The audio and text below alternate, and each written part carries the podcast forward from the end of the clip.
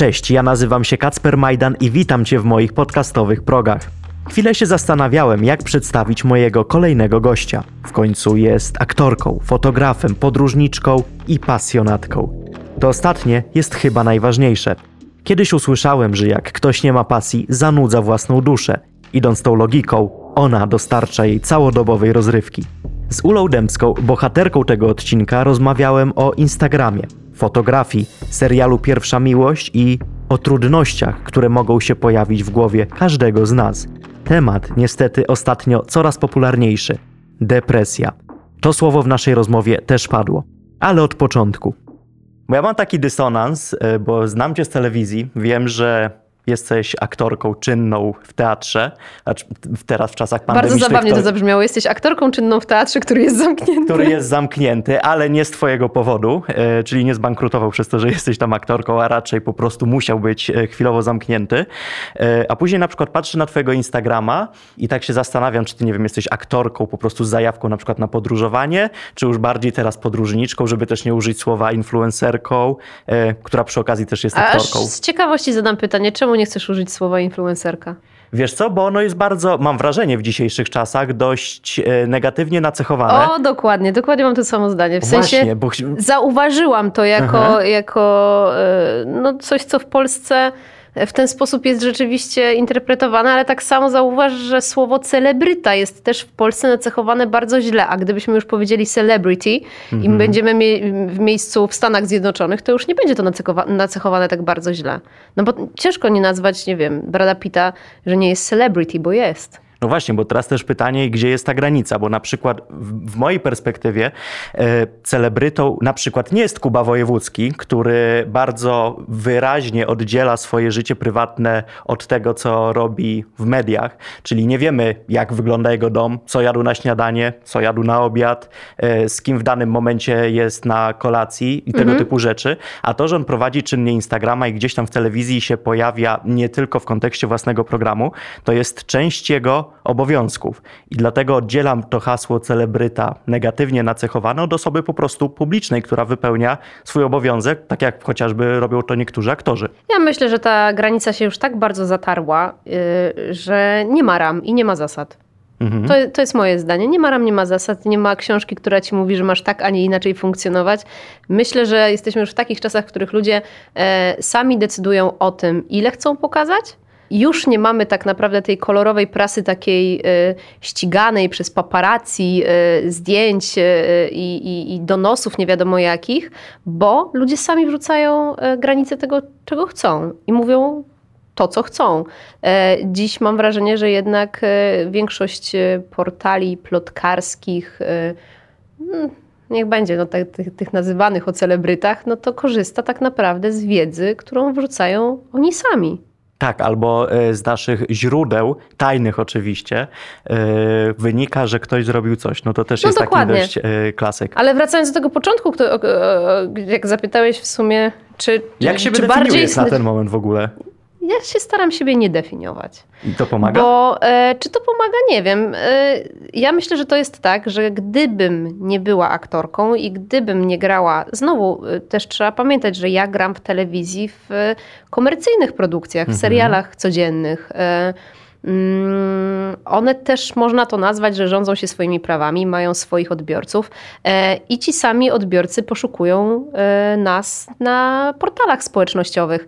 Więc gdybym nie grała i gdybym nie uczestniczyła w tym takim świecie show biznesu, to prawdopodobnie i tego Instagramu, i Facebooka, i, i tej otoczki by nie mhm. było. Więc można by było powiedzieć, że wtedy bym też nie była tą, e, tym elementem jako influencer. Nie do końca się boję tego słowa, bo, bo kiedyś tak mi się wydawało, Boże, kim jest influencer? Nic z tego nie rozumiałam, ale dzisiaj sama jakby mam świadomość, że no w pewnym sensie poniekąd jestem. Oczywiście wynika to z tej pracy i wynika to z tego, że jestem aktorką i wynika to rzeczywiście z akurat e, tego aktorstwa, ale mówię tego rodzaju aktorstwa, jeżeli to można w ogóle tak nazwać, bo to brzmi, brzmi po bardzo dziwnie, ale z aktorstwa właśnie w tej, akurat w tej grupie takiej bardziej bym powiedziała show biznesowo-komercyjnej, tak? Mhm. I to się właśnie przekłada na ten Instagram, a już sam Instagram w sobie jest dla mnie zarówno, można powiedzieć, takim billboardem, bo, to, bo trochę tak jest, że to my decydujemy tam, co tam zamieszczamy. Nie będę tutaj w ogóle ukrywała, zamieszczamy też reklamy, tak? Oczywiście. Więc jesteśmy, powiedzmy, własnym kanałem, na którym można to umieszczać, ale jednocześnie e, prowadzimy to tak, jak chcemy i ten nasz wizerunek jest taki, jaki my chcemy. No i rzeczywiście, jeżeli już zajrzysz na ten mój Instagram, tak jak powiedziałeś, będziesz miał i podróże, i jakieś sporty, i wiele hobby, które gdzieś tam mm, mniej bądź bardziej staram się uskuteczniać. A już od jakiegoś też czasu na przykład jest to fotografia, którą mam drugi profil y, na Instagramie i rzeczywiście tą fotografią też się zajęłam. No i akurat Instagram no jest taką aplikacją, w której fotografia, no to o to tam chodzi. Mhm. Tylko zastanawiam się i moje pytanie tym jest też motywowane, e, że jak wszedłem na twojego Instagrama wiedząc kim ty jesteś, no to mhm. okej, okay, wiedziałem, że te twoje korzenie są w aktorstwie. No tak, ale nie wejdziesz, nie zobaczysz tego. E, właśnie, Rozumiem. nie widzę tego kompletnie i dlaczego tak w ogóle jest? Nie wiem, ukrywasz to albo nie chcesz się tym dzielić, to albo chyba, w ogóle... Ja myślę, że to tak w ogóle nie jest kwestia w tej chwili ukrywania. Akurat w ogóle w, te, w tym momencie jesteśmy w trakcie przerwy w dwóch serialach, w których gram, więc, e, więc w tym momencie po prostu tych materiałów nie zobaczysz. Natomiast, e, natomiast czy ja wiem, trochę trochę było wrzucania y, zarówno z planów, jak i zdjęć z planu. Tylko, że mi się też wydaje, że jeżeli ja już tak długo gram w tych, znaczy w jednym serialu bardzo długo, bo to ponad 10 lat, w drugim serialu dopiero od niecałego roku, no ale zasypywać codziennie ludzi zdjęciami z planu, no odpalą telewizor i zobaczą tą postać. To jakby to jest postać już, tak? To jest rola, którą gram. Mogę raz na jakiś czas wrzucić i zajawić informację, że słuchajcie, e, nie wiem, nowy wątek rozpoczynamy, natomiast e, na Instagramie ja jestem mną, Ulą Dębską, nie, nie, mhm. nie, nie, nie tą postacią i nie tymi rolami, które tam są. Wspomniałaś o tej fotografii, która gdzieś tam się pojawiła i też, e, też widziałem to twoje konto instagramowe fotograficzne. To jest e, alternatywa? To jest jakiś twój kolejny plan, czy to jest po prostu zajawka? To jest chyba zajawka, która mm, przerodziła się w alternatywę, a potem się przerodziła w kolejny plan. To jest chyba najlepszy sposób, okay. żeby odpowiedzieć na to pytanie, bo rzeczywiście fotografia gdzieś mnie naprawdę interesowała już e, wiele, wiele lat temu. Jakiś tam pierwszy aparat miałam i e, nawet zdarzało mi się jeździć do studia i e, siedzieć kilkanaście godzin, próbując zrozumieć światło, przesłonę i wiele rzeczy, coś tam sobie testując, i w pewnym momencie to troszkę poszło w kąt. Ciężko mi jest w sumie powiedzieć, czemu tak się stało, że to poszło w kąt. Może brakowało jakiejś motywacji, może brakowało czasu, e, może po prostu inne rzeczy wtedy były na tapecie i, i jakoś ten aparat poszedł w kąt, aż się zepsuł. Jakkolwiek to zabawnie zabrzmi. E, I, e, I rzeczywiście do tej fotografii wróciłam, myślę, że ze 2-3 lata temu. Po pierwsze, poniekąd przez osoby na Instagramie, mhm. bo poznałam e, przez Instagram fantastyczne dwie fotografki. Martę Dębską, nie jesteśmy spokrewnione, okay. E, i Dorotę Schulz. E, I obie mnie w jakiś sposób inspirują, ale też właściwie się poznałyśmy gdzieś tam przez Instagram. No i dostawałam od nich, można powiedzieć, takie podpowiedzi, co dalej z tym robić, jaki aparat wybrać, w jakim kierunku chciałabym iść. Mogłam się zawsze zapytać o coś. I w pewnym momencie mówię, dobra, w sumie e, wiemy dobrze, że Instagram jest miejscem, w którym się wrzuca zdjęcia. Ja zauważyłam w pewnym momencie, że ja nie jestem fanką wrzucania mm, przysłowiowego selfie. Mhm. Jednak staram się, żeby te zdjęcia były e, ładne, jakościowe, e, a no czasami też, żeby coś dodatkowego e, jeszcze może ludziom dawały. Treści też się staram jednak, żeby były no, jakoś przemyślane. I czy to będą rzeczy prywatne i podróże i, i, i, po prostu moje zajawki, czy to też będą reklamy, to zawsze staram się, żeby to było na jakimś tam poziomie, z którym ja się godzę, bo mam nad tym władzę. To nikt tutaj, prawda, nikt, okay. nikt tego nie robi za mnie, więc to jest super, że jakby ja sama sobie decyduję, i, to jest autentyczne I to jest temu. autentyczne i jakby jest to zgodne z moim gustem. Mhm. E, w związku z czym ta fotografia się po prostu zaczęła w pewnym momencie robić alternatywą. A masz już y, za sobą jakieś płatne współprace? Czy ktoś już się odzywał do mam, ciebie? Y, okay. Mam pojedyncze, tak, mam, ale, ale to jeszcze, ja jeszcze cały czas twierdzę, że jestem daleko przed tym, co bym chciała i to są na, na razie takie małe kroczki, ale rzeczywiście mam wrażenie, że ostatnie miesiące no coś, coś ruszyło. A twój wizerunek aktorki w tym pomaga, czy, czy raczej przeszkadza, że ludzie sobie myślą, ok, ona jest aktorką, a fotografia to jest jej jakaś tam pasja i robi sobie to forfana, to, że są większe zasięgi, no idzie to za tym, że ona jest osobą popularną. Ciężko mi powiedzieć, to już musiałabym chyba zapytać tych innych osób, jak na to patrzą. W tej materii to w ogóle się nie zastanawiałam nad tym, czy aktorstwo tutaj w ogóle będzie gdzieś wychodziło bokiem, że przecież ona jest aktorką, no to jak może być fotografem? Nie, w ogóle tak nie pomyślałam. Raczej uprzedzam zawsze, jeżeli ktoś ze mną rozmawia na ten temat, uprzedzam, że, y, że jeszcze wiele muszę się na pewno nauczyć, ale jestem chętna do próbowania i, i akurat to jest też tak, że nawet mi się zdarza napisać do moich znajomych, którzy mają swoje jakieś firmy przeróżne, od, pod, przez kosmetyki, po ciuchy, po coś tam innego, napisać, słuchajcie, jakbyście chcieli na szybko jakieś zdjęcia, ja chętnie przyjdę, popróbuję i zobaczymy, czy w ogóle mamy wspólny mód, czy w jakikolwiek sposób się gdzieś tam razem czujemy, bo ja uważam, że muszę trenować po to, żeby móc to kiedyś wykonywać e, częściej częściej, a wyobrażasz sobie sytuację, w której rezygnujesz ze wszystkiego, co robisz do tej pory i skupiasz się tylko na tej fotografii, czy to już raczej nie nastąpi? Ja myślę, że chyba E, w ogóle nie ma czegoś takiego, żebym była w stanie zrezygnować ze wszystkiego, żeby poświęcić się jednej rzeczy, bo za dużo rzeczy mnie cieszy. Bo strasznie dużo rzeczy robisz. Ale ty dużo rzeczy mnie jakoś tak napawa mm, mhm. pozytywnie i nakręca na kolejne. Mam wrażenie, że fajnie jest próbować wielu rzeczy. E, czy wrzuciłabym wszystko? W sumie to chyba znowu zależałoby od sytuacji, prawda? Bo, bo, bo jakby jeśli by się nagle okazało, że rzeczywiście warte by to było, zarówno e, poświęcenia innych e, swoich, e, czy to źródeł dochodu, czy innych zajawek, no jeśli by było to warte, no to może trzeba byłoby się nad tym zastanowić. Natomiast generalnie nie wyobrażam sobie rzucenia innych moich pomysłów na życie. Czyli multiinstrumentalizm, tak zwany. Może trochę tak, chociaż ja, ja, zawsze się obawiam, że niektórzy mogą mieć do tego podejście na zasadzie, że to jest słomiany zapał do wszystkiego i niczego człowiek nie doprowadza do końca, bo niektórzy tak na to patrzą. Że robi dużo rzeczy, więc nic nie umie robić no, dobrze. Tak, a ja uważam, że jeżeli się dobrze zaplanuje i dobrze się ten czas podzieli, to można robić wiele rzeczy. Mhm. E, chciałbym troszeczkę teraz wrócić do Twojego aktorstwa. Czy po serialach, w których grałaś plebanii pierwszej miłości, czyli bardzo takich komercyjnych produkcjach, przyklejano ci jakieś łatki, odbierano cię za osobę, y, którą nie jesteś. Słyszałam historię, że kiedyś Małgosia Foremniak y, została poproszona o wypisanie recepty, na przykład na ulicy. Miałaś coś takiego? No mi się zdarzyło, że mnie mm, jakieś babcie kiedyś ganiały z parasolem w kościele, jak jeszcze chodziłam do kościoła. Matko, dlaczego cię ganiały z parasolem? Bo grałam w plebanii, y, w plebanii grałam dziewczynkę nastolatkę wtedy chyba, no tak, chyba nastolatkę grałam, która y, była w sekcie, więc y, no bywało tak, że ludzie chyba nie bardzo rozumieli, że to jest po prostu fikcja. Więc czasami chyba jest ten taki problem, że ktoś myśli, że to jesteś faktycznie ty. Ale co do łatki, to chyba też jest właśnie kwestia, żeby samemu sobie jej nie przykleić. Nie powiem, że tego nie robiłam, zdarzało mi się. Czułam... A jakie łatki sobie przyklejałaś? Ja myślę, że przyklejałam sobie zaszufladkowania. Aha że, że przyklejałam sobie, że już e, nic innego nie zagram, że nikt mnie nigdzie nie zatrudni, bo już od tylu lat jestem w jednym. Ja, trzeba też pamiętać, że ja byłam w dwóch, znaczy w dwóch serialach i w jednym byłam, w drugim jestem po ponad 10 lat. To jest naprawdę dużo. No właśnie, no to były te łatki, bałaś się, że nigdzie tam e, dalej e, następnego kroku nie zrobisz, a masz teraz jakieś takie duże, zwłaszcza w pandemii, gdzie troszeczkę sobie więcej myślimy, odpoczywamy, powiedzmy, ambicje, żeby, żeby gdzieś zagrać? Coś jest jakimś swoim celem teraz, poza y, zagraniem y, męskiej postaci u Tarantino? no, fajnie by było u Tarantino zagrać. To byłoby takie marzenie, które wow. No. Natomiast y, ja myślę, że ambicje to oczywiście, że zawsze mam. Marzenia zawsze są.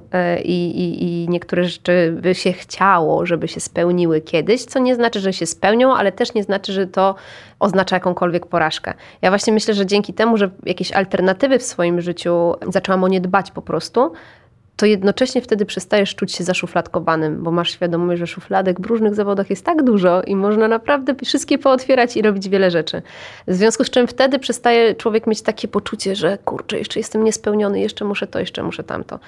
Chyba za bardzo się cieszę wieloma wieloma swoimi zajawkami, żeby, żeby mieć poczucie, że, yy, że jestem niespełniona w aktorstwie. Chciałbym teraz troszeczkę o tej pierwszej miłości, bo to jest serial, który kolosalnym wiralem poszedł w pewnym momencie w Polsce. Każdy go, go oglądał, każdy znał postaci, nawet jak mówił, że... Że nie zna, to i tak znał. Tak, to było, trochę było jak z Disco Polo. Ja nie słucham, ja nie oglądam, ale wiem, kim jest ta aktorka, wiem, że ten zdradza to i ten jest z tamtym. No to ja powiem szczerze, że jak, jak powstał ten serial, to nie bardzo wiedziałam. Wiedziałam tylko tyle, że się dzieje we Wrocławiu. Okay. I wiedziałam, kto gra główną postać serialu, Aneta Zając, ale to też dlatego, że my z Anetą się spotkałyśmy jeszcze przed jej szkołą teatralną, y, przed szkołą filmową w Łodzi, na planie plebanii. Więc ja pamiętam, bo ja, y, no ja jestem od niej parę lat młodsza i byłam w nią wpatrzona trochę jak w obrazek. Jak byłam, y, no nie wiem, ja chyba miałam, miałam wtedy 12-13 lat, a Aneta była tuż przed studiami. I, I ja pamiętam, jak strasznie żałowałam, że Aneta przestała grać w plebanii i poszła do szkoły, a potem niedługo później zaczęła grać właśnie w Pierwszej Miłości, więc ja wiedziałam, że taki serial istnieje i wiedziałam mniej więcej, że jest o młodych ludziach, o miłości i że ma miejsce we Wrocławiu. Natomiast nie, nie ogarniałam. Właśnie dla mnie fenomen tego serialu jest taki, że ja w sumie też nie byłem jego nigdy stałym widzem, ale kojarzę też miejsca, kojarzę ludzi, kojarzę ciebie e, i nagle się okazuje, że on jakoś do tej świadomości publicznej się przebił. Tak. I zastanawiam się, miałaś jakieś takie zachowania e, na, ludzi, e, na ulicy ludzi na przykład, że traktowali cię jako jakąś gwiazdę kolosalną, że robili ci zdjęcia, nie mogłaś się opędzić. Nie wiem, no Nie. już zmieniając, jak kobiety rzucały w mężczyzn stanikami, to z ciebie faceci rzucali, nie wiem, bokserkami no cokolwiek nie. takiego.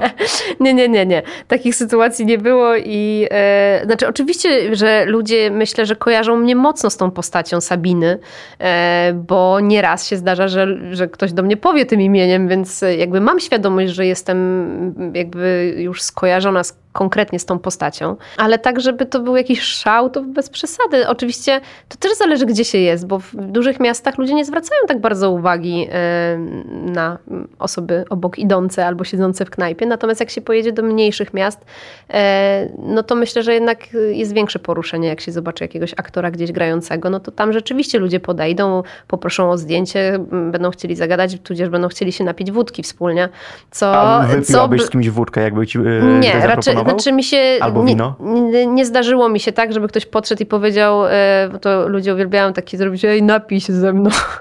Ze mną się tak, nie napijesz, potrafili. Tak, tak, tak. No i właśnie wtedy mają też tą odwagę podejścia właśnie do kogoś, kogo kojarzą z telewizji. Tylko właśnie najgorsze jest to, że oni kojarzą wtedy, myślą, że to jest ta osoba z telewizji. Mhm. Myślą, że mogą sobie tak podejść i, i, i, po prostu na takim luzie totalnym. Dla mnie to jest zawsze krępujące i nie mogę powiedzieć, że przyjemne czy nie, bo to nie, nie jest w tych kategoriach, natomiast, natomiast nie, nie napiłabym się. Okej, okay, a miałaś jakąś ciekawą historię związaną z tym, że ktoś do ciebie podszedł, zagadał w jakiś specyficzny sposób, coś ciekawego powiedział? Pewnie było tego mnóstwo, ale teraz nawet, nie, nawet nic sobie konkretnego nie przypominam. Teraz każdy sobie pomyśli, że musiałaś to wyprzeć, że to potraktowałaś jako nie, traumę. Nie, nie, chyba nie, ale nie, nie, nawet sobie tego nie przypominam. Pamiętam, że takim miłym zaskoczeniem było, jak pojechałam do Szwecji i tam zagrałam w takim serialu szwedzko-niemiecko już nie pamiętam. To Strasznie była... długie no, odcinki były z tego, co pamiętam. E, nie, tak. ale to, to, to, był taki serial kryminalny, Aha. że e, nazywał się Johan Falk. E, I w każdym razie, no, grałam Polkę z m, dziewczynę ze Szczecina, której umiera siostra i e, za granicą i ona gdzieś tam jedzie po to, żeby się dowiedzieć właśnie jak wyglądała ta droga siostry, żeby dojść do tego, co się tak naprawdę wydarzyło. Nie dość, że praca w innym języku, więc było to dla mnie trochę stresujące. No i też pierwszy taki właściwie samodzielny wyjazd, więc no, robiło to na mnie ogromne wrażenie. Natomiast oni na miejscu, chcąc nagrać sceny pogrzebu, zamówili Polonię. Po prostu zatrudnili ludzi y, y, ze szwedzkiej Polonii. Mhm. E, I wtedy rzeczywiście przeżyłam szok, jak się okazało, że cała ta Polonia mnie zna. I nie mogłam tego zrozumieć, bo oni naprawdę byli tacy poruszeni niesamowicie, ale dopiero do mnie dotarło że Plebania to jednak był serial grany w telewizji TVP Polonia, więc mhm. myślę, że to musiał być bardzo często oglądany serial za granicą. To był rok 2008 chyba, jeśli się nie mylę. I dopiero wtedy zrozumiałam dlaczego. Okay. dlaczego, dlaczego ich to poruszyło i, i robiło to na nich jakieś tam większe wrażenie. Mhm. Jeżeli jesteśmy już przy wrażeniu, jakie najbardziej doceniasz polskie seriale? Nie mówię na to w kontekście ostatniego roku czy dwóch, tylko ogólnie taki top 3 polskich seriali. Top 3. Tak, to przy, skupmy się o, na wcale trzech. nie będzie takie proste. nie będzie takie proste. Y, no, uważam, że Wataha to jest jeden z najlepszych seriali, Mhm. który mamy y, w Polsce. Zgadzam się. I y, zresztą odnosi sukces nie tylko w Polsce ten serial, więc y, Tak, tak jest nie, ma, nie ma co się tutaj oszukiwać. Boże, teraz nie mogę sobie przypomnieć tytułu jednego se- serialu, w którym grała Agata Kulesza. Ale ona tam gra główną postać i tam są jakieś takie porachunki mafijne. Ma nastoletnią córkę i syna chyba też, jeśli Okej. dobrze pamiętam, bo ja to wiele lat temu oglądałam. Też dobry serial. Okej, czyli Jak sobie to, przypomnę, to powiem. okej, to jest drugi, a trzeci? To jest drugi, trzeci. Obejrzałam na ostatnich dniach, nie mogę powiedzieć, że najlepszy, tylko taki, że zapamiętałam i, i, i, i coś ciekawego. Sexify? Sexify, tak, to jest Na nowy, na, tak, nowy, nowy serial na Nowy, Netflixie. nowy serial na Netflixie. Uważam go za inny serial niż dotychczas były w Polsce robione. No przede wszystkim dlatego, że go też zrobił Netflix, więc tam troszeczkę jest tego zachodniego Czuć to. klimatu. Czuć ten zachodni klimat, ale też e, po pierwsze, bardzo mi się spodobało, że jest masa młodych, e, ciekawych ludzi, nierozpoznawalnych, więc to są No zupełnie właśnie, nowe no. twarze, grających super. Ja bym powiedziała, nie, chcę, nie chciałabym, żeby ktokolwiek się obraził, że ja tak mówię, ale to jest ten taki styl gry trochę właśnie amerykański, taki na takim luzie. Totalnie wierzę tym postaciom. Tam nie jest Jak Sex Education. No, tak, tam nie ma, nie ma próby jakiegoś taka, udawania no. czegokolwiek na siłę, tylko, y, tylko faktycznie jest to takie na luzie grane i naprawdę wierzymy w te postacie. Jest super zagrany, więc bardzo mi się to spodobało. Y, nie, nie chcę się tutaj odnosić co do jakby samego zamysłu i treści, y, bo jest przeciętna moim zdaniem. Nie jest to nic nad wyraz innego, natomiast dobrze zrobiony serial. A dlaczego nie wymieniłaś serialu, w jakim grałaś? Mm, Bo to są, to są długoletnie takie seriale. No jednak, jednak to, to, to są seriale takie hmm, codzienne. No. Ja jednak jestem fanką zupełnie innego kina i innych e, filmów i seriali. Okej, a jakbyś miała tak powiedzieć o takich naprawdę fajnych rzeczach, które są związane czy to z pierwszą miłością, czy z plebanią, które, no, którymi warto się podzielić, to co by to było? Co można takiego naprawdę super, czysto obiektywnie, bez y, tak zwanych podśmiechujek o nich powiedzieć? Ja myślę, że jest bardzo dużo rzeczy, rzeczy których które bym mogła powiedzieć fajnych o, o, o tych dwóch projektach tak naprawdę, bo no, trzeba pamiętać, że pierwszy to y, zaczęłam grać jak miałam 9-10 lat, coś takiego, więc y, jako dziecko to na pewno zupełnie na to inaczej patrzyłam. Uważam to za ogromną szkołę i warsztat. Tam miałam też do czynienia z myślę, że też dużo starszą ekipą, zarówno ekipą techniczną dużo starszą, jak i dużo starszą ekipą aktorską, bo jednak to była plebania, trochę Okej. o czym innym.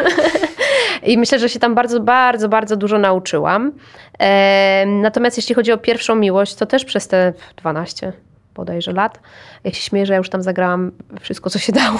Okej, No tak. Od y, miłości po napady, po, y, po jakieś tam, y, nie wiem, momenty, że siedzę w więzieniu przez y, treningi boksu, potem na strzelnicy jakieś sceny, e, y, raz potulna dziewczyna, raz bym powiedziała typowy czarny amerykański taki charakter. Może takiej... dlatego masz te, tych zajawek teraz, które wypełniały twój Instagram. Dokładnie, no, dokładnie. Ja się nawet śmiałam, że kiedyś e, producentka powiedziała, że słupki nam rosną jak, e, jak, jak moja postać jest pobita. No i rzeczywiście bardzo długo grałam, że albo mnie mąż bił, albo ktoś mnie napadł. E, Dziewczyny z charakteryzacji śmiały się, że najwięcej wydawanych pieniędzy jest właśnie na sztuczną krew i, i te wszystkie rzeczy do siniaków. Ale to jest w sumie ciekawe, że akurat coś takiego podnosiło słupki oglądalności, zwłaszcza w kraju, e, gdzie tej przemocy w rodzinie jest jednak dość sporo. To jeszcze nie było aż takich chyba wtedy dyskusji na ten temat. To znaczy na pewno już były, ale, ale nie aż tak jak teraz w tych czasach, w których żyjemy i z taką polityką, jaką żyjemy. No właśnie, a grałaś w produkcjach telewizji polskiej. Czy dziś jakbyś dostała propozycję zagrania w serialu produkowanym przez telewizję polską, zgodziłabyś się patrząc na to, czym dzisiaj telewizja polska jest, czy byś miała wątpliwości moralne? Stanowczo miałabym wątpliwości moralne. Choć oczywiście, e, oczywiście uważam, że aktor jest od grania. I mm, czym innym jest dla mnie zagranie w serialu, e, no przede wszystkim serialu, no bo co jeszcze by mogło być w telewizji polskiej? Mogłoby być Teatr. teatr, teatr telewizji, tak? E, mógłby być, tak. A czym innym jest wzięcie udziału w programach ich. Mhm. Nie ukrywam, że, że odmawiam. Bardzo dobrze, to Nie ukrywam, że odmawiam. No, jak jest telefon e, z różnych tych programów e, owej telewizji, no to mówię kulturalnie nie. Okej, okay, a są jakieś naciski, że naprawdę, no, że może jednak byś się zgodziła, że nie będzie tam Jacka Kurskiego w pierwszym rzędzie, czy... Mm, nie, nie, nie, nie. Czy oni grzecznie się żegnają, ty grzecznie odmawiasz, ja myślę, że nie do końca też jakby ja nie, nie tłumaczę się z tego, po prostu, znaczy w jednym z programów powiedziałam szczerze, że przede wszystkim chodziło o tematyki, na jakie byłam zapraszana. A co to było? O Jezus, na przykład, czy kto powinien pierwszy płacić na. Czy, aha, nie, czy, czy wypada, żeby kobieta płaciła na pierwszej randce? Znając telewizję polską, ja sobie myślę, tutaj byłoby zaraz wplecione gender. Yy, ale prostu... moje pytanie brzmi, co ja w ogóle mam do powiedzenia w tym temacie, przepraszam. No nie wiem, jesteś kobietą zapewne, jesteś atrakcyjna, można... więc pewnie byłaś na randce. Dziękuję ci bardzo, ale, ale, dziękuję ci bardzo, ale no to można pójść i zapytać yy, naprawdę dziesięciu kobiet na ulicy, czy jak uważają, a jakim ja jestem, przepraszam, w tym temacie yy, ekspertem, Wiesz, żeby odpowiedzieć na to pytanie. W Polsce osoba, która jest jakkolwiek rozpoznawalna, e, no przynajmniej w tej aurze publicznej, tak, dostaje sobie... mandat do tego, żeby się wypowiadać publicznie na temat, temat e, każdy, dosłownie. No właśnie, ja nie jestem tego fanką. Więc mamy instagramerki, które mówią o covid którego nie ma, albo o tym, że co już e, kiedyś też wspominałem w przypadku Edyty Górniak, która mówi, że wypija Lady Gaga na przykład krew noworodków, czy coś takiego. No. Gdzieś, gdzieś mi się to obiło, ale, ale nie, nawet nie, nie zajrzałam, nie, nie, nie miałam potrzeby nawet przeczytania nic więcej na ten Ja muszę przyznać, że to było tak temat. tak absurdalne, że aż przeczytałem. A jak już jesteśmy trochę przy tych rzeczach niemiłych, bo przy, przy niemiłych rzeczach no jesteśmy. E, kiedyś udzielałaś wywiadu, gdzie mówiłaś, to było ze dwa lata temu, o akcji MeToo. I gdzieś tam e, wspomniałaś o tym, że tobie też się nieprzyjemne rzeczy zdarzały, a osoba, z którą robiłaś ten wywiad, nie wiedzieć czemu, nie pociągnęła tego wątku, a jest bardzo ciekawy. Rozumiem, że chcesz pociągnąć ten wątek. Chcę pociągnąć ten wątek. Ale chcesz nazwiska?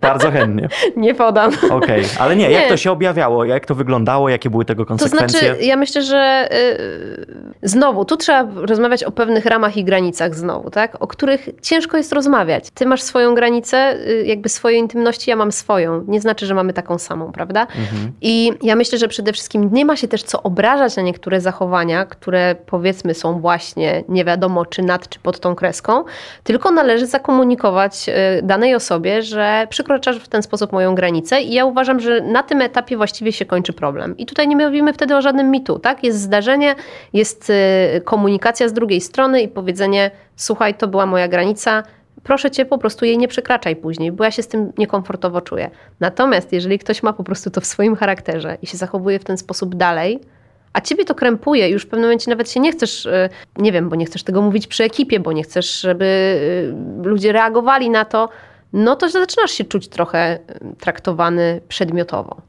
I mhm. nie, a niestety w tym zawodzie, znaczy myślę, że w każdym i w każdym środowisku, no są te przekraczania granicy. I to też trzeba pamiętać, że to nie jest tak, że każdy jak się tak zachowa, to też ja tak samo od każdego to odbiorę. Bo jeżeli by to był mój, nie wiem, super ekstra przyjaciel, bliska mi osoba i robi sobie po prostu żarty, to prawdopodobnie ja bym nie poczuła aż takiego przekroczenia granicy. Ale jeżeli robi to ktoś, z kim ja wcale takiej super ekstra dobrej relacji nie mam, no to już się mogę czuć niekomfortowo. Okej, okay, no ale jak to się objawiało, że o tym wspomniałaś, że miałaś nieprzyjemne sytuacje? No jakieś klepanie po tyłku, Aha. co nie miało kompletnie jakby wytłumaczenia, bo nie, miało, nie było to w scenie i nie było to na próbie.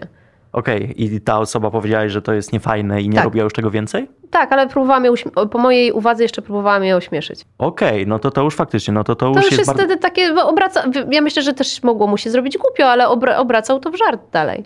A uważasz, że y, to jest problem, który rośnie, czy problem, który jest po prostu teraz, y, nie chcę użyć słowa rozdmuchany, bo to brzmi negatywnie, ale problem, o którym jest od dawna głośno i zastanawiam się, czy przez to, że o nim jest głośno, to nagle osoby zaczynały się dwa razy bardziej zastanawiać nad tym, co robią, czy w ogóle nie zwracały na to uwagi? Uważam, że to jest nadal znowu zależne od charakteru ludzi, bo są takie osoby, które stwierdzą, ok, dobra, to może rzeczywiście my czasami przesadzamy w swoich zachowaniach, ale będą tacy, którzy powiedzą, błagam, one wszystkie przesadzają, albo oni wszyscy przesadzają, bo to yy, zależy, bo to działa w dwie strony. To wcale nie jest tak, że to tylko mężczyźni się w ten sposób zachowują, kobiety również się tak zachowują. Yy, mój yy, tata, który jest aktorem, sam mi powiedział, że też się czuł kiedyś przez koleżankę z zawodu y, molestowany, po prostu. Czyli tutaj pewnie wchodzi w grę hierarchiczność, tak mi się możliwe, przynajmniej wydaje. Możliwe. Albo też siła charakteru. Co najgorszego usłyszałeś w życiu na swój temat, tak ze sfery publicznej? Nie wiem, w sumie, znaczy jakieś plotki na pewno słyszałam, ale żeby tak, że coś najgorszego? Nic cię nie dotknęło, czy po prostu to wyparłaś? Nie, na pewno, na pewno i to mnie potrafiło dotknąć każda jedna mała uwaga po prostu jestem człowiekiem, tak? A też teraz tak górnolotnie o tym mówię, ale prawda jest taka, że ja jestem na terapii od y, iluś tam miesięcy y, i też prze przepracowuję wiele rzeczy, które miało miejsce od dziecka. Ja zaczęłam grać, jak miałam 6 lat. Mhm. Więc ja myślę, że ja tak naprawdę nawet nie jestem w stanie sobie dzisiaj przypomnieć, jak wiele uwag było, które tak y, trafiały prosto w serduszko, raniły to serduszko wtedy ale się było dzieckiem, więc się wydawało, że no tak ma być i trzeba w ten sposób funkcjonować i trzeba sobie z tym poradzić. Ale takich sytuacji, które gdzieś tam mnie zakuły, było mnóstwo. Teraz się tak zastanawiam, czy ten wiek 6 lat, gdzie ktoś zaczyna być aktorem, zwłaszcza jeżeli powiedzmy ma, jest, ma mniej odporny charakter, chociaż nie wiem, czy można już w tym wieku mówić o odpornym charakterze i psychice, to nie jest trochę za wcześnie, żeby zaczynać wchodzić do świata, w którym jakby nie patrzeć, bardzo się trzeba odsłonić i bardzo trzeba się wystawić na ataki, na strzały. Nie tylko ludzi, którzy z nami pracują, ale w sumie każdego na ulicy. Znaczy, myślę, że w ogóle jakby spojrzeć na to, na wiele takich znanych osób, e, nawet nie na naszym podwórku polskim, tylko nie wiem, no możemy podyskutować o Michaelu Jacksonie chociażby, tak? Mhm. To zawsze będzie taka informacja, że jeżeli ktoś był od małego dziecka, no to jakieś tam rysy się robią od małego dziecka i rzeczywiście na tym charakterze, psychice te rysy się pojawiają. Ja uważam, że to nie jest tak, że 6 lat to jest za wcześnie, albo za późno, albo że, że jest jakieś ale. Najważniejsze moim zdaniem jest taka tak zwana opieka psychologiczna, której myślę, że nie było, nie ma, nie wiem jak jest w Stanach, ciężko mi powiedzieć, ale w Polsce e, no dziecko wchodzi na plan. Oczywiście, nie ma tam żadnego psychologa pewnie. No nie ma psychologa. Myślę, że to jest tak, że E, oczywiście umowy są troszkę inne dla dzieci, jest mniej e, godzin pracy, ekipa stara się nie przeklinać przy dziecku, chociaż. Ale to są takie rzeczy, które mam wrażenie są bardzo powierzchowne. Powierzchowne, natomiast właśnie centrum. chodzi o to, to, centrum, moim, znaczy jakby najważniejsze moim zdaniem jest to, żeby był ktoś, kto jest tak zwanym, to jest moja ostatnia teoria, przez ostatnie 2 czy 3 miesiące sobie to wymyśliłam, właśnie przy okazji rozmów z moją, z moją terapeutką, że ja uważam, że tak naprawdę powinien być tak zwany opiekun psychologiczny dziecka na planie który jest niezależny. Nie jest rodzicem i nie jest z ekipy. Jest to ktoś, kto jest tylko dla tego dziecka. I teraz chodzi o to, że pewne uwagi, które są przekazywane dziecku, ja sama przecież obserwuję to, co się dzieje u nas na planach, też są dzieci. A ja pamiętam siebie, jak byłam w ich wieku. I ja dzisiaj dopiero, widząc, jakie niektóre uwagi padają do tych dzieci, czy to będą zawodowe uwagi dotyczące samego grania, aktorstwa, czy po prostu o ich zachowanie, ogarnij się i schowaj ten telefon, to ja widzę, jak te dzieciaki na to reagują. I myślę sobie, kurczę, przydałby się ktoś, kto tak naprawdę jest pomiędzy ekipą a tym dzieckiem, nie jest rodzicem, kto zaopiekuje się psychologicznie tym dzieckiem, żeby umiał z nim porozmawiać. Masz prawo czuć to, masz prawo, żebyś rozumiał, że uwagi, które do ciebie padają, że nie wiem, źle to zagrałeś, że niewyraźnie mówisz, że no, to może być mnóstwo, żeby nie brało to dziecko do siebie, że to z tobą jest coś nie tak. Mhm. Bo dziecko nie umie odczytać, czy to jest merytoryczna uwaga, czy to znaczy, że to dziecko jest kiepskie. Nie? Dziecko to odbiera bardzo y, zero-jedynkowo, bo jest tylko dzieckiem. Nie ma jeszcze narzędzi do tego, żeby mieć poczucie własnej wartości i zrozumieć, że te uwagi y, mogą być podyktowane różnymi rzeczami. Mogą być rzeczywiście oceną samego grania w sobie, ale mogą być podyktowane na przykład, że ekipa się dzisiaj strasznie spieszy, bo ktoś musi zdążyć na samolot, to jest taki trochę żart nasz wrocławski, ale to bardzo często się tak dzieje. I po prostu z tego pośpiechu jest nerwowa atmosfera i się trochę temu dziecku chcąc nie chcąc obrywa. Gdyby był dorosły, to by zupełnie inaczej to odbierał, ale jest tylko dzieckiem. A widzisz w tym celowe działanie, że nie ma takich osób? No bo ja sobie wyobrażam nie, taką myślę, sytuację. Że nikt o tym nie myśli. Z mojej perspektywy to mogłoby wyglądać tak, że przecież taka osoba też będzie y, stawiała granice temu dziecku, że ono tego nie zrobi, tego, tego i tego, no bo to nie jest jakby rola dla niej dla niego, mówiąc o tym dziecku. Nie myślisz, że to troszeczkę też stąd się może brać? Hmm. Nie, myślę, że tutaj nikt nawet na to nie wpadł po prostu. E, nie chcę mówić, że to też cięcia kosztów. Po prostu myślę, że nikt nie wpada na ten pomysł, że przydałby się ktoś taki. Ja, jak zdarzyło mi się być na takich warsztatach aktorskich za granicą, u typowego acting coacha ze Stanów, i on nam bardzo dużo opowiadał o tym, jak to wygląda w Stanach. Przede wszystkim u nich są acting coachowie, którzy tak naprawdę e, razem z tobą przechodzą przez całą tą rolę, pomagają ci wejść w tą rolę, są pewnego rodzaju takim twoim duchem na tym planie przygotowują cię przed, w trakcie, omawiają sceny i tak dalej. U nas tego nie ma. U nas wchodzisz na plan, tak naprawdę przygotowujesz się w domu, na planie musisz przegadać ten tekst, ale też rozmawiasz, nie wiem, z operatorem, z reżyserem, e, dyskutujecie, są czasami próby oczywiście czytane wcześniej. Natomiast nie ma osoby odpowiedzialnej, która jest z tobą i która w pewnym momencie może powiedzieć, oho, wchodzimy już tutaj na jakieś inne rejestry, tak? Wchodzimy już w twój, w twój świat prywatny, albo ty już przestajesz właśnie na to patrzeć, tylko że to jest przecież praca. To nie wiem, ta rola nie, to nie jesteś ty, tak? No nie, nie jednym aktorze były historie, tak, że gdzieś tam klepki się odkleiły i za bardzo wszedł w rolę, tak? No tak, no historia o tym, że aktor po skończeniu zdjęć nie jest w stanie wyjść z roli. Jest I, mnóstwo. No, że jest nie, mnóstwo. nie I teraz trzeba pamiętać, że takie dziecko, które jest na planie, to ono naprawdę tego może nie rozumieć. Ale zastanawia mnie w takim razie, bo to, co mówisz, to jest jedno. To, jaki mamy problem w Polsce z psychologią, z psychiatrią, Mhm. to jest drugie. Yy, I patrząc na to wszystko, jednak temat jest tak błahy. Ostatnio tutaj w tym studiu też była przygotowywana audycja o depresji i nagle się też okazuje, że patrząc, porównując Wielką Brytanię i Polskę, no naprawdę jesteśmy w kolosalnej dupie, jeżeli chodzi o dbanie o zdrowie psychiczne, bo ludzie chętnie będą brali sobie L4, bo mają złamaną nogę, boli głowa, złe samopoczucie, ale e, jak się dzieje coś z psychiką, no to, to, to, to nie jesteś chory, ty jesteś dziwny po prostu, na przykład.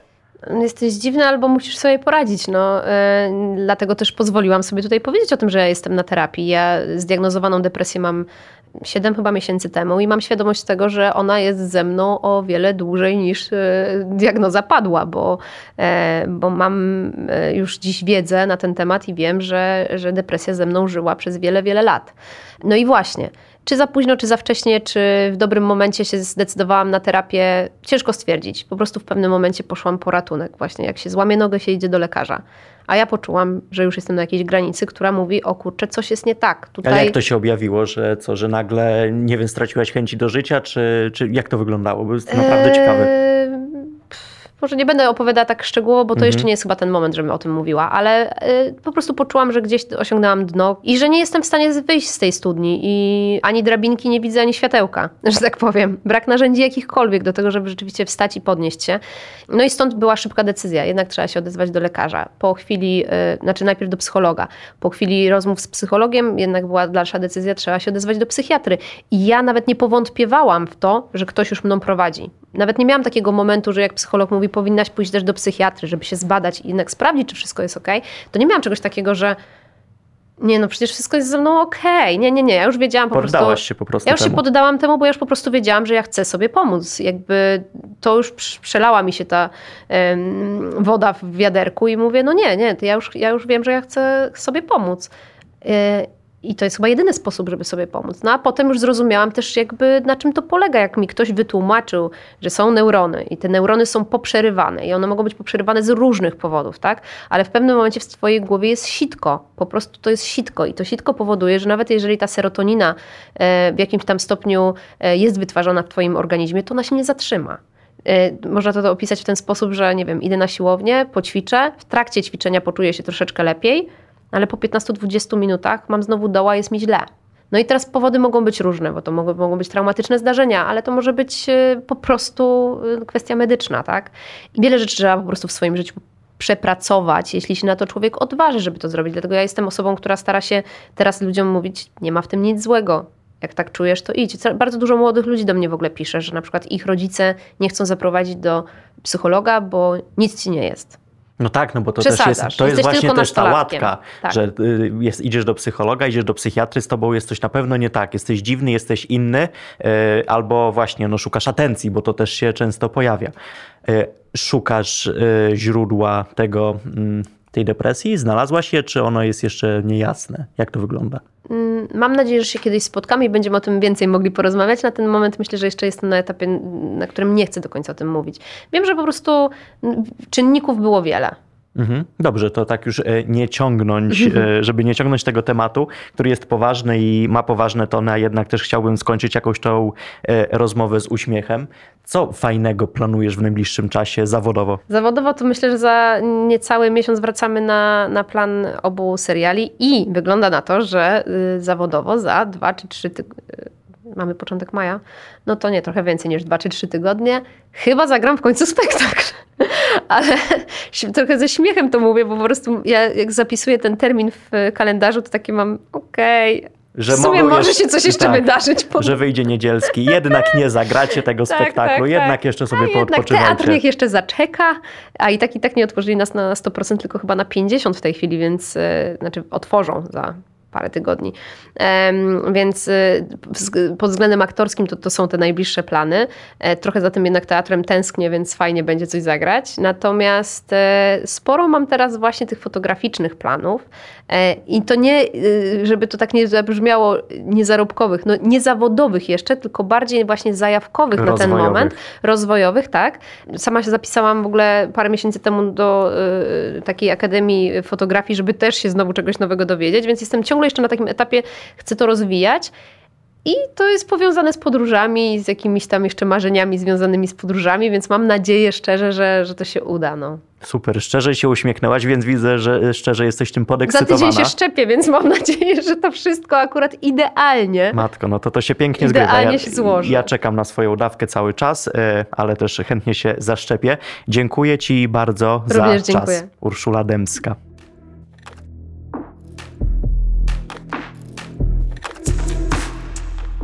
Dziękuję, że posłuchałeś mojego podcastu. Zasubskrybuj, by nie przegapić moich kolejnych rozmów. Kacper Majdan